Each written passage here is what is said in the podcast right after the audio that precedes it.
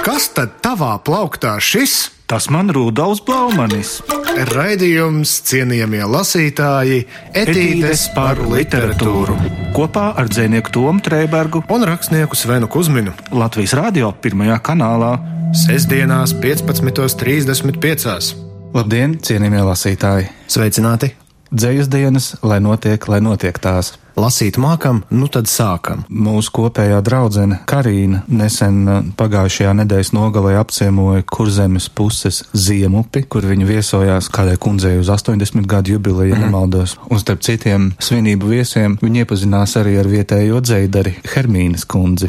Hermīnas kundze izklausās ļoti poētiski. Jā, viņa ir ārkārtīgi ievērojams krājums ar četrrindēm. Un viņa teica, nu ko vecam cilvēkam citu darīt, televīzijā rāda tikai viens vienīgs muļķības, nu var rādio vēl klausīties, bet nu tur no tā atkal nogurst, un viņa mācās no galvas latviešu dzēnieku darbus. Un grāmatām vien, ne tikai dzējolīšiem. Piemēram, mūžības skartos viņi varot noskaitīt no galvas. Oho. Tad uh, Karīna jautāja, kā jums patīk uh, Fricis Bārda, un Hermīnas kundze esot atbildējis, oi, ne, nu, tur jau jāraud. nevar." Kaut kādā ziņā arī mūsu šodienas galvenais varonis Jānis Akurāters ar savu elēģiju un sonetu grāmatu Sirds varā.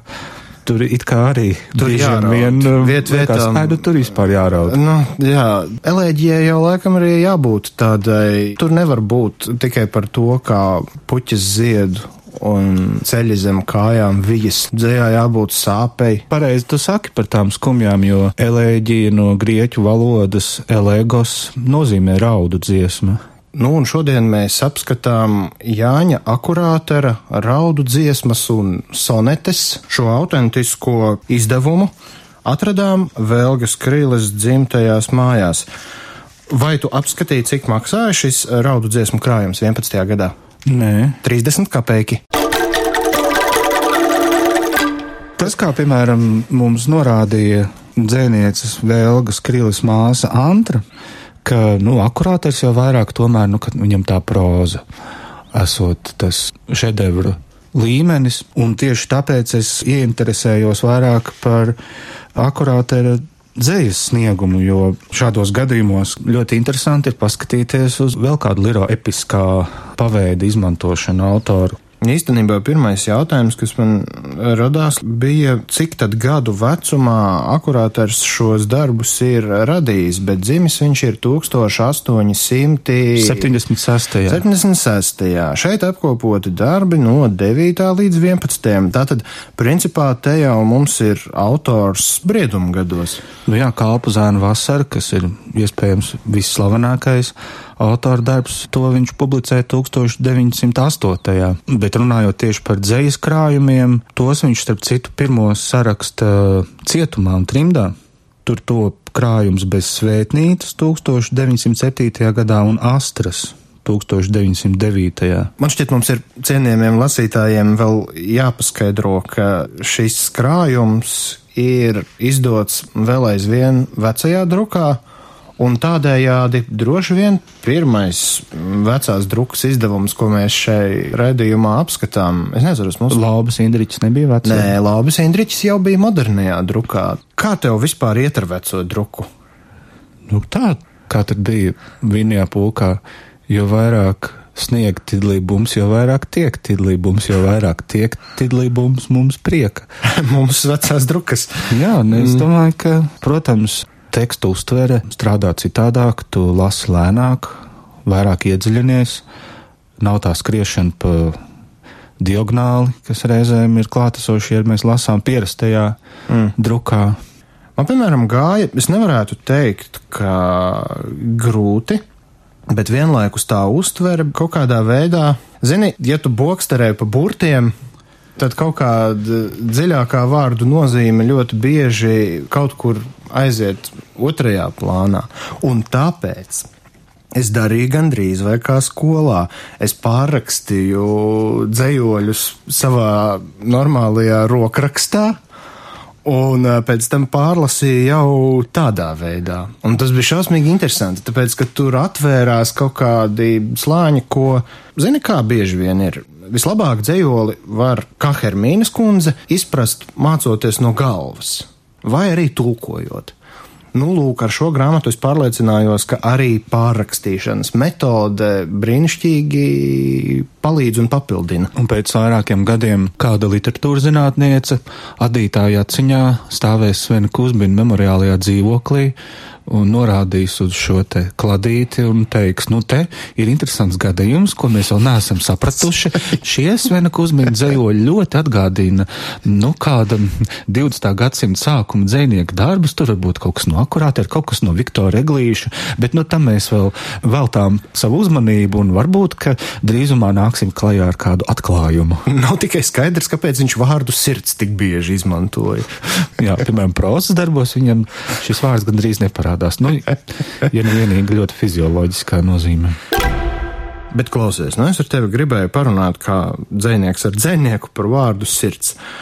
Šai grāmatā vārds sirds ir ne tikai izmantots gandrīz vai katrā tekstā, bet arī grāmatas virsrakstā. Nu, nav, protams, jākomentē, kādā nozīmē vārds sirds tiek lietots ne jau anatomiskā, kā varētu to lietot šodien, bet, nu, kā emocionālās un garīgās dzīves centrālais kaut kāds orgāns. Zini, ir tādi vārdi, kuru limits ir izsmelts gadu gaitā. 19. gadsimta, 20. gadsimta sākumā. Un, jā, un 20. gadsimta sākumā bija varbūt absolūti standarta prakse, kā par jūtām, tā viss caur sirdi. Bet, nu, mūsdienās tā darīt. Nu, nevajadzētu laikam vairāk. Vismaz ne tādos apjomos un ne tādā izpratnē. Ja tev šķiet, ka tas vēl aizvien kaut kā darbojas? Manuprāt, tas, kā to var redzēt šīs grāmatas kontekstā, uh, liriskais varonis atrodas tādā kā zaudētajā Arkādijā, vai vēl ar vienu īstenībā plaukstošajā un dziedošajā, šajā mītiskajā vietā. Viņam apkārt ir daba, mainās dienas, gājums, arī gada laiki, kaut kur tālumā pavīd vai nu sievietes, vai kādas dievības tēls, kā tāda ēna Un, manuprāt, tā sirds nu, ja tu iztēlojies tādu karikatūru, piemēram, Ņujorka stilā, tādu grafisku, jā, jā, jā. ļoti smalki izstrādātu, es to redzu, ka tas liriskais varonis sēž uz tāda parka soliņa, bet ļoti skaista parka, nu, kur apkārt ir strauti un Arkādijas parka. Nu, Arkādijas parka soliņa, jā. Un tā sirds viņam sēž blakus, nu, tāds mazs ķocītis, pukstošs. Un... Tā kā ar kambariem un asinsvadiem? Jā, jā, kambariem jā, un asinsvadiem. Nu, tā, un nu, tā viņi sēž un kaut kādā ziņā tā miedarbība ceļo no autora uz šo pulsējošo objektu un atpakaļ. Kamēr šodien, nu, ja mēs varam tā tagad padomāt, vai mums ir kāds dzēnieks, kurš vēl ar vienu atrodas tajā arkādijā. Tagad Hermīnas kundze. Hermīnas kundze tur atrodas, jo tagad jau redzi, tajā parkā ir viss kaut kas mainījies. Apkārt ir debesu skrāpji, pa ielām brauc automobiļi, cilvēku ir kļuvis daudz vairāk. Kāds tevi pēkšņi iztraucē no tavām domām? Tad tev zvana telefons. Nu, es nezinu, man šķiet, ka šī pasaule, ko mēs redzam akurāt ar dzējā, ir uh, brīva no jebkā tāda, kas varētu iztraucēt šīs pārdomas, kamēr šīs dienas pasaulē mēs laužamies no viņas laukā, lai nokļūtu pie savām pārdomām. Man radās tāda doma, ka varbūt čaka krājums sirds uz trotuāra ir kaut kāda tā kā šīs te monētas otrā puse, tāpēc ka Akurāt ar šai krājumā diezgan arī izmanto tādus urbānismu motīvus, kas vispār pat ļoti čakiski izklausās kaut kādās savās izpausmēs. Piemēram, lūk ir dzējolis ar nosaukumu Ielas gājējs.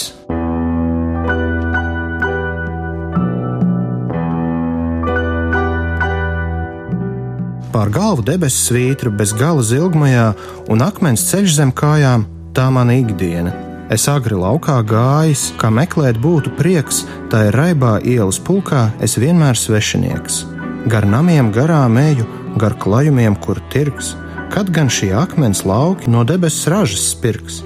gar tempļu akmens platēm, gar dārziem žogotiem, ar savu likteni slāstu es līdzinājos tiem, gar ielu tirgotājiem, kas visu sīkā mīja.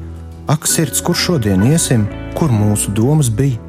Nāk pretim bālas sejas, dažs nenovītis zieds, cits paskatās man acīs, cits gļēvi roku sniedz. Grims diena debesis malā, vēl rītu jāiet būs, Reiz tak man rokas pilnas ar dzīves ziediem kļūs, un mūžīgs ielas gājējs es namos atgriežos, kā gliemežs savā vākā, es skumjās ievelkos.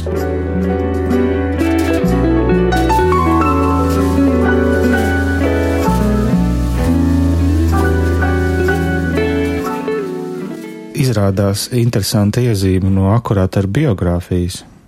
Viņš taču no 1930 līdz 34. gadam ir bijis radiofona direktors. Direktors? Ja, lūdzu. Vai tu paskaties, kā... un, un šajā laikā, neskatoties uz to, ka viņam ir jāvada radiofons, viņš saraksta dzējoļu krājumus Latvijas balādes, rožēns vējš, elēģiski momenti, un vēl pieķeras stāstu krājumiem klusums un gaisma un erosa cilts. Redziet, nu cienījamie lasītāji, radiofona direktors Jānis Akurāters kaut kādā dīvainā apaļveida kompozīcijā atgriezies studijās. Viņš arī ir pirmais tēvzemes balvas laureāts latviešu rakstniecībā, un starp citu vadījis arī Latvijas pen klubu. Nu, redzi, tu runāji par to, kā bija taisa laikos un šajos laikos, bet tad, kad nolasa šādus biogrāfiskus faktus, tad atkal rodas tāda sajūta, ka nekas tā sevišķi nemainās. Mēs tikai nepārāk ilgi dzīvojam kā cilvēki. Cienījamie lasītāji, etīdes par literatūru. Nu, tu saprati? Ja? Es gribēju par to mitoloģiju parunāt. Nu, parunā par mitoloģiju. Nu, tā sapņu pasaule, kas mijās ar nomodu, vai tas tev pieķērās pie acis? Es īpašu uzmanību pievērsu dzējoļiem, kuros tiek pieminēti sapņi, jo tādu ir diezgan daudz, un, protams, viņš runā arī par mitoloģiskiem tēliem, nu, gluži literāri. Viņam dievu dēli figurē un senu teiksmu varoņi un tam līdzīgi, bet tieši sapņi viņam ir mazāk mitoloģiski nekā iztēle, laikam tā varētu teikt. Jo tur, kur viņam tiek pieminēti sapņi, ļoti bieži viņš arī izmanto sinonīmu māņi. Mm -hmm. Un viņi kaut kā nevarētu pat teikt, ka atspoguļo to pašu iekšējo pasauli, kura centrā ir sirds, lai cik īpatnēji tas izklausītos, mūsdienās par sapņiem runā Gan drīz vai es pat nezinu, mitoloģiskākā veidā nekā tas ir akurātaram. Piemēram, šodien mēs varam runāt par kaut kādiem, nu, sapņu arhetipiem, kas ļoti bieži arī aiziet kaut kur antīkās drāmas un filozofijas uh, uzstādījumos, bet šeit kaut kā tā nav. Šeit, Jā, viņš nu, tā kā sapurinās brīžiem un viņš jūt, ka, nu, jau viņš ir pa tālu atrāvies no zemes, un jā, jā, jā. nav īsti zināms, kur viņš šajā atrautībā nokļūst, tāpēc labāk te dzimtā grāns, te ozola lapa, te dzirdējis pavasara ūdens. Nu, un visas tas... manas skumjas, jā. Jā, nu, un, jā viņš tā. vienmēr beidz tos sapņu dzējoļus ar secinājumu, ka vai, vai, vai, nu tie taču tikai sapņi. Bet tad, kad viņš atgriežas uz zemes, viņš kļūst vēl sapņēnāks, kas ir interesanti. Reku, piemēram, dzējolis ar nosaukumu uzmini kādu sapņi. Desmit punkti tev par to.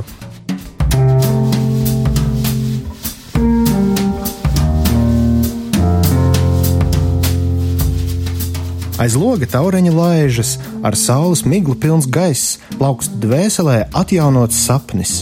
Tas sapnis viskaistākais.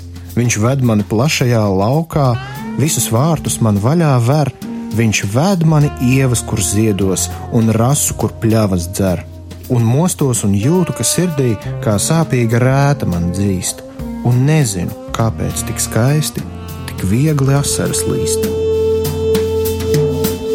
Jā, varbūt kaut kādā ziņā šī personiskās uztveres modificēšana ir akurātaram klātesoša, tāpēc, ka viņš ir eh, diezgan daudz tulkojis un studējis filozofiju, Schopenhauer, Nīči, Kantu, Un šī filozofiskās pieejas paplašināšana tādā personiskā pieredzē arī paver plašāku spektru tam, ko tu vari atļauties tik personiskā izpausmē kā dzēja. Tai laikā nebija mode uz rilki šeit Latvijā. Man šķiet, ka varētu būt. Es to rilki vispār gribēju pieminēt, bet man šķiet, ka laikam tieši šajā laikā, kad ir tapuši šie konkrētie dzējoļi, akurāteram ir Ibsena posms, jo viņš tulko brandu, un nedaudz vēlāk arī Pēru Gintu, jo Ibsens jau arī viņam ļoti svarīga bija daba kā parādība, nevis kā fons, kurā darbināt tēlus, bet gan jau ka Rilke arī tur varētu būt klātesošs. Un es gribēju nolasīt, ko es iepriekš stāstīju par to lirisko varoni, kurš pēta ziedošo vēja appūsto apkārtni ar visām sīkākajām niansēm un kaut kur fonā tālu parādās arī kāds sievietes tēls, tad ir cikls vakarā ar četriem dzējoļiem un ceturtais dzējolis ir ar um, nosaukumu gaidītājs.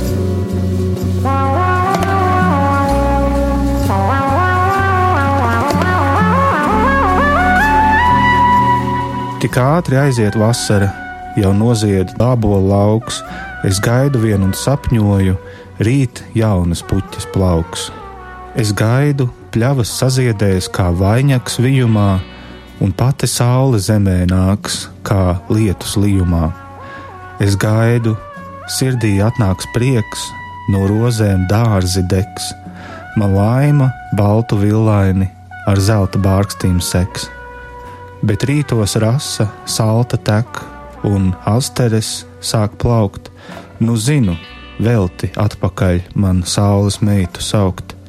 Gar manu māju aizgāja tā laikam pusnaktī, vai sveci neredzēja tā pie manis ugunī. Tik ātri aiziet vasara, pie galda sēdu viens, tik daudz iet, bet atpakaļ vairs neatnāk neviens.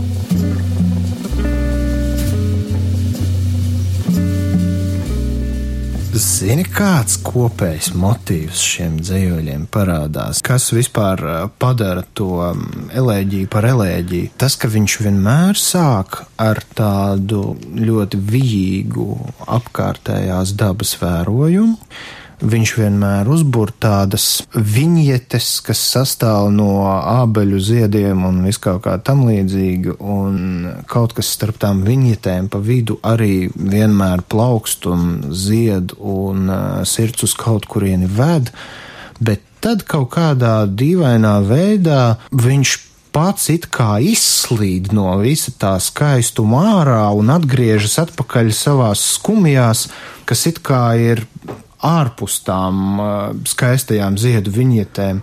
Viņš tā kā uzkavējas visā tajā apbrīnojamajā arkādijas dārzā, kā tu saki, un pēkšņi kaut kas viņu no turienes izrauj ārā, un viņš atkal nokļūst savā skumjās un kā gliemezis ieraujās savā čaulā. Tas ir tāds stāstošs motīvs, man šķiet, kas šo dzēju padara nevis vienkārši par kruzuļiem un vijumiem un uh, sirds jūtām, bet, nu, par atkal tā paša mazā cilvēku lomu visa šī skaistuma priekšā. Kaut kādā ziņā tas skaistums ir pat nesasniedzams šim dzējas tēlam. Nu, es nezinu, man liekas, ka viņš pat tik mazs cilvēks nav. Tas vienkārši ir cilvēks ar to saldskābo nolemtību. Un tam nav pat saistība ar to, ka viņš it kā neiedarētos, ka mazajam cilvēkam reizēm ir tā ārpusnieciskuma sajūta, bet man liekas, ka tā akurāte ir tas liriskais tēls, skumjas viņu netik daudz sadragā un ievaino, bet viņš drīzāk viņās peld, un tad, kā tu saki, atkal ir laukā uz krasta, un tam pašam vārdam jau arī tas Jā. dzējols par skumjām, kuras metu dziļā atverā, bet pēc tam tās tūkstošu kārt vēlreiz atgriežas ar jaunu spēku, mani apņemot. Nu, nu, tā ļoti virspusē citējas. Tas iemesls, kāpēc es vispār pieķēros pie tā mazā cilvēka, ir tas, ka tas gliemeža tēls bija ārkārtīgi, manuprāt, ilustratīvs tam visam, ka viņš mērogus ilustrē. Jo viss, kas ir pirms tā gliemeža, ir tāds liels un stihisks, un tas ir dabas radīts un visaptverošs. Un pēkšņi tas gliemezis, viņš tik ļoti, tas tēls saraujas līdz tiem gliemeža izmēriem. Mm. Un citur viņš beigās pārvēršas nevis par gliemezi, bet par ēnu un vēl kaut kur citur viņš izplūst kā rasa gar logu, un uh, viņš visu laiku sevi ieliek tādā vienā punktā noslēgumā. Tas man šķiet ļoti interesanti. Jā, piekrītu tev pilnībā par to saraušanos un transformēšanos uz mīnusa zīmi, lai atkal uzplauktu plus, un to arī lasīt dzējolī tālos ceļos, kur ir savukārt, ja tev bija par gliemežu čaulu, tad te ir par slimnieku, kurš pacēlies no sāpju gultas.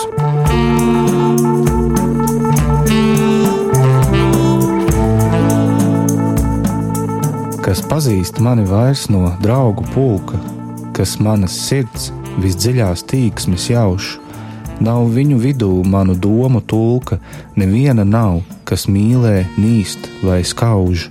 Ne tas, kad bijām vienas laimes skauti un ziedoni pie krūts sev mīlinājām. Kā slimnieks pacēlies no sāpju gultas, kur cīnījies ar nāvi, krūts pret krūti, kā gūsteknis, kas ievainots no bultas, augst jaunas dzīvības ar visu būti. Tā jūtu rudeni un pavasaru, un uzsmaidu, ja ceļā satikšanās, un jaunas ciltis meklēju ar garu, kam sapņi dzied vēl nedzirdētās skaņās.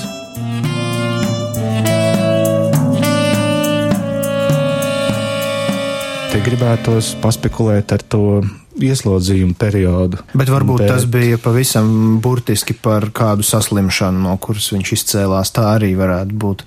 Jā, jā, jo viņam jau tur diezgan traki gāja, jo viņš pirms septītā gada vairāk kārt tika apcietināts un tad izraidīts uz Pleskavu, un tad no turienes viņš bēg uz Somiju un uz Zviedriju un Norvēģiju, un tur tad arī notiek tā satikšanās ar Skandināvijas literatūras dižgariem. Jā, ļoti vētraina dzīve, un kaut kādā ziņā man pat izbrīna tas, cik cauri visiem tiem ārprātīgiem virpuļiem, caur kuriem viņam ir nācies iziet, cik viņam patiesībā šī dzēja brīžiem ir tāda mierīga. Viņš tur meditē gandrīz vai brīžiem kaut kādās atsevišķās rindās. Un, nu, viņš jau, man liekas, vētrains bija drīzāk notikumu dažādības un geogrāfisku punktu ziņā netik daudz vētraini kā varbūt bohēmas viļņos. À, es nedomāju bohēmas, es domāju drīzāk, nu, ka tie virpuļi viņi ir nesājuši pa visurieni un, un tur kaut profesionālie kā... virpuļi. Jā, jā, un kaut kādā brīdī to dzīvi varbūt nav bijis iespējams kontrolēt.